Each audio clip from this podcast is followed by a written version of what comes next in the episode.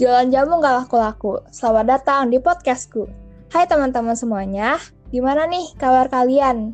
Pasti baik-baik aja ya, apalagi udah bulan Februari nih, yang artinya bulan kasih sayang. Nah, spesial Valentine, hari ini aku mau teman-teman untuk ngobrol sedikit nih tentang satu novel yang terbit tahun 2014 dan sempat hits banget di kalangan remaja dan juga orang dewasa loh.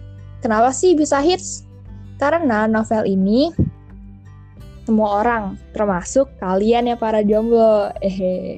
Oh iya, novel ini juga bukan cuma novel doang loh, tapi udah diadaptasi jadi film juga. Bukan cuma novelnya yang hits, tapi filmnya juga loh. Oh iya, kalian pernah denger ini gak? Jangan rindu, berat, biar aku saja. Pasti pernah kan ya? Iya, betul. Kita mau bahas novel ini. Apalagi kalau bukan Dilan 1990.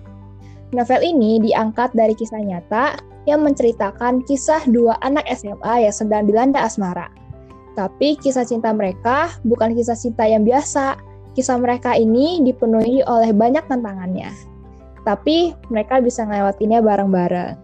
Nah, kali ini aku ajak beberapa teman aku nih buat bahas seputar novel ini. Ada pepatah bilang, jika kita tidak kenal maka tak sayang. Yuk, sebelum itu kita kenalan dulu nih sama-sama teman-temanku. Pertama ada Catherine. Hai Catherine. Halo semuanya. Yang kedua ada Erin. Hai Erin. Hai semuanya, aku Erin. Nah, yang terakhir ada yang paling ganteng nih. Soalnya cowok sendiri. Hehe. Siapa nih? Halo, aku Jason. Oke, hai Jason. Nah, teman-teman, aku mau ajak kalian buat bahas seputar novel. Oke. Menurut kalian, bagaimana sih isi buku tersebut? Kayak menurut pendapat Catherine gimana? Maksudnya kayak kalian suka nggak sama bukunya? Kalau aku sih udah pernah baca ya Dilan yang 1990, yang 1991 juga pernah baca sih. Dan aku personally suka banget sama bukunya. Menurut aku bukunya itu seru banget sama aku uh, selesainya bisa cepet aja kayak gitu. Uh, menurut aku bukunya itu juga gampang dimengerti, fontnya nggak kekecilan juga, ceritanya menarik, nggak bikin bosen. Iya sih, pokoknya suka lah. Oh, seru gitu ya? Baper gak? Baper gak? Iya. Ya lumayan lah. Oke, itu menurut Catherine. Kalau menurut Erin gimana? Uh, waktu itu pas baca bukunya lumayan bagus sih karena menurut aku di dalam buku itu banyak cerita-cerita yang beda-beda gitu loh dan unik juga. Jadi nggak ngebosenin. Hmm, nggak ngebosenin juga ya. Nah, kalau menurut Jason? Uh, kalau menurut aku sih ceritanya bagus banget terus menarik juga soalnya uh, setiap harinya ada ada aja hal-hal yang baru gitu. Oh, hal-hal baru. Oke. Okay. Nah, kalian nih udah baca semua kan bukunya. Siapa sih karakter favorit di novel Dylan yang paling kalian suka? Terus kenapa karakter itu jadi favorit? Coba mulai dari Erin deh. Gantian. Uh, kalau menurut aku, aku paling suka Dylan. Soalnya menurut aku meskipun Dylan uh, nakal, dia berantem sama orang, terus geng-geng motor, tapi dia masih baik, masih bisa respect hmm? orang. Oh, respect. Kalau men menurut Jason, siapa karakter favoritnya? Uh, menurut aku juga karakter yang paling aku suka juga Dylan sih soalnya kayaknya juga uh, karakternya kayak seru banget gitu kayak asik aja. Oh, bukan milihnya ya. Oke, okay, kalau Catherine nih. Kalau aku sih suka sama yang namanya BM. BM itu uh, dia yang jaga warung di sekolahnya Dilan sama Mila. Oh menurut aku BM itu orangnya kayak lucu aja gitu gaul walaupun udah tua kan. Sama tapi dia juga kalau misalnya Dilan kayak abis tawuran atau berantem itu dia yang bantuin sembuhin Dilannya. Terus kalau ada murid yang bolos di situ itu nggak dilaporin. Jadi seru aja gitu BM oh unik ya si Catherine ini ya. Yang lain suka Dilan dia suka sama yang jaga warung loh. Oke. okay. Pertanyaan selanjutnya, berhubung dengan banyak dari kalian bilang pas baca novelnya tuh bikin baper, bikin seru gitu ya. Nah, peristiwa apa yang menurut kalian tuh paling berkesan di hati kalian? Kayak kalian tuh nggak bisa lupain gitu loh.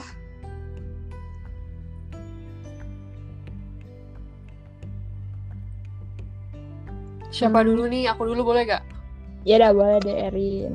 Suka nih yang ini. Eh, menurut aku yang paling bikin baper ya sebenarnya nggak baper sih ini agak jijik cuman lucu aja kalau misalnya dia kalau misalnya Dilan udah goda-godain Milea pakai ngomong-ngomong apa sih itu namanya yang jangan jangan rindu berat gitu-gitu Oh, iya. nah itu lucu Gombal. aja terus kalau misalnya yang bikin seru pas sepupunya Milea datang ke Bandung kan mereka sempat ribut juga tuh nah itu menurut aku seru Jadi Erin suka yang berantem-berantem gitu ya?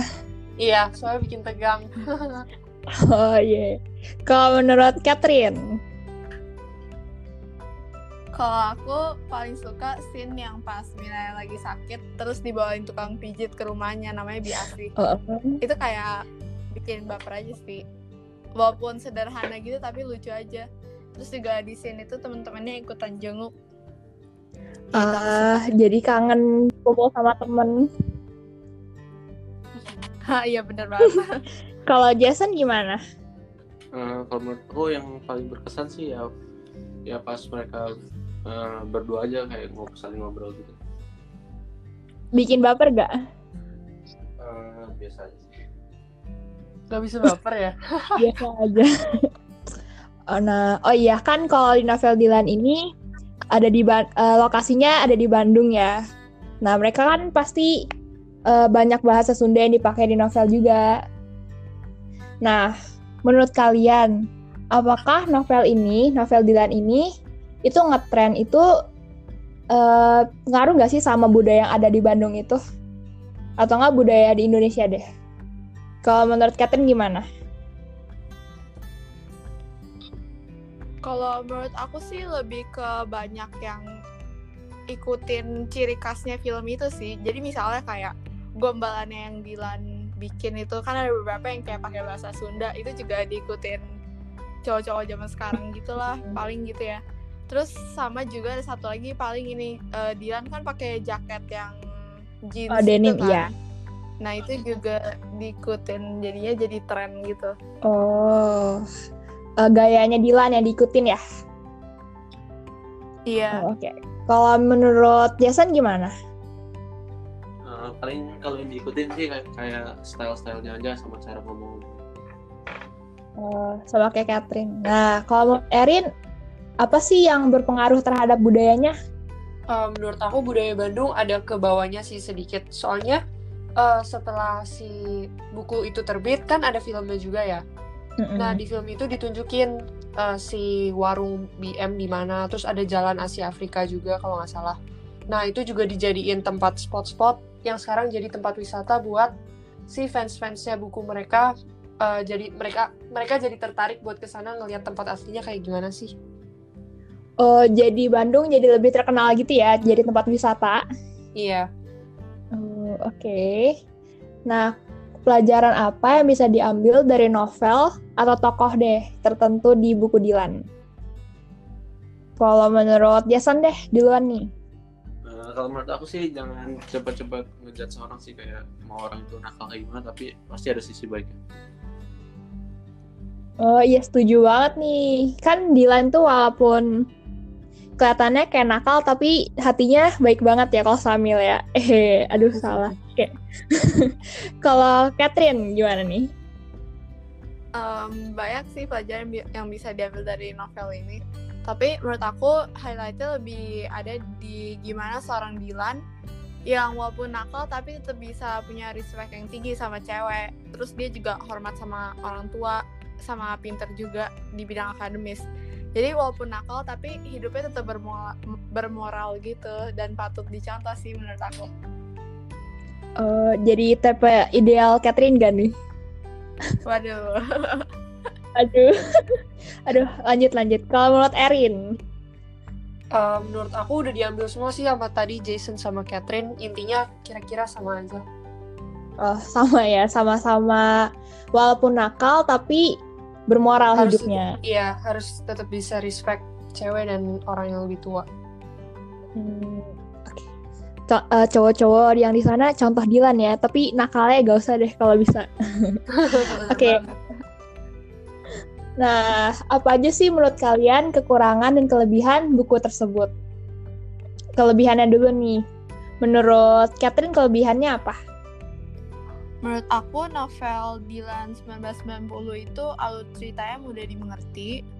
Terus eh, fontnya juga gak kecilan, ada banyak kutipan pas tokonya berbicara gitu, jadi nggak bosan. Terus situasinya juga dideskripsikan, jadi kita bisa ikut mendalami ceritanya gitu sih. Menurut aku itu kelebihannya. Kalau kekurangannya? Kalau kekurangannya sih menurut aku hampir gak ada ya.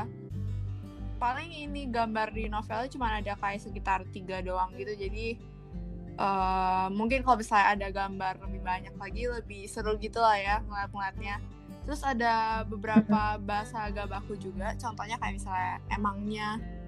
Terus sama satu lagi kayak beberapa gombalnya itu terlalu lebay gitu sih menurut aku.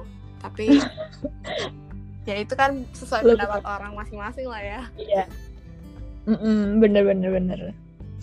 Eh, kalau menurut Catherine itu, tapi lebih banyak kelebihannya ya novel ini menurut Catherine ya. Iya benar. Oke, kalau menurut Jason gimana? Kelebih apa aja kelebihan dan kekurangan dari novel ini? Uh, kalau menurut aku kelebihannya dari cerita ini tuh ada banyak sih dari cerita yang menarik sampai uh, alurnya juga bagus Uh, dan kekurangannya menurut aku cuma ceritanya aja sih yang agak monoton gitu jadi jadi agak kayak gitu-gitu doang Oh, monotonnya kayak udah ketebak gitu ceritanya. iya sama kayak isinya kayak cuma gombal-gombal doang Oh, berarti Jason Jason ini sukanya yang non romance ya kali ya mungkin ya. Udah poin kali. Iya bisa jadi sih. Oke, kalau menurut Erin gimana nih? Uh, menurut aku kelebihannya pembawaan ceritanya dia lumayan enak karena aku kebalikan sama Jason menurut aku di situ banyak cerita-cerita yang unik yang jadi khasnya Dilan. Kalau Hmm. untuk kekurangannya penggunaan bahasanya kayak terlalu baku jadi kadang bacanya tuh kayak agak cringe gitu loh karena nggak sesuai banget kan sama kita sehari-hari. Jadi agak nggak terbiasa aja.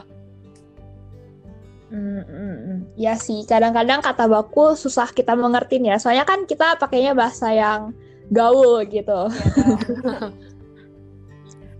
Oke, kita udah bahas kelebihan kekurangan. Nah, dari kelebihan kekurangan itu, buku Dilan ini tuh bisa memberikan dampak positif atau negatif sih bagi pembaca. Kalau menurut Catherine gimana? Um, menurut aku bisa kita ambil positifnya, negatifnya juga ada sih. Kalau menurut aku positifnya itu kita bisa banyak belajar cara respect sama pasangan. Terus juga yang kayak tadi aku bilang sebelumnya nakal boleh, yang penting karakternya kayak baik gitu, baik, sopan dan lain-lain. Terus menurut aku juga dengan adanya buku ini itu juga mempromosikan budaya Bandung kayak misalnya bahasa Sundanya, tempat wisatanya yang tadi kayak Arin bilang termasuk juga kayak jalan Asia Afrika itu sekarang jadi kayak hits gitu buat geng-geng motor. Nah terus negatifnya menurut aku jadi kayak halusinasi gitu. Terus bisa bikin orang ekspektasinya sama pasangannya tuh jadi standarnya tuh ngikutin kayak Dilan gitu. Jadi takutnya jadi high expectation gitu kalau misalnya mau pacaran terus something like that lah. Jadi nuntut pengen Dilan gitu ya? iya iya jadi kayak gitu buat anak Oh, oke paling. oke. Kalau buat Erin gimana? Apa aja sih dampak positif sama negatifnya?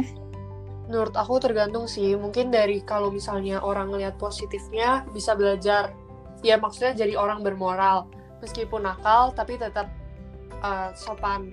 Kalau untuk negatifnya, pas nggak tahu sih ini cewek doang apa gimana, tapi pas buku itu lagi ngehits, banyak cewek-cewek yang baca itu, terus mereka jadi kepengen punya pacar gitu loh. Kayak, ih mereka sweet banget, gue pengen dia punya pacar kayak Dilan, kayak gitu. Gitu ya. Erin termasuk ya? Oh enggak dong. Oke, kalau menurut Jason, kalau dari sisi cowok gimana nih?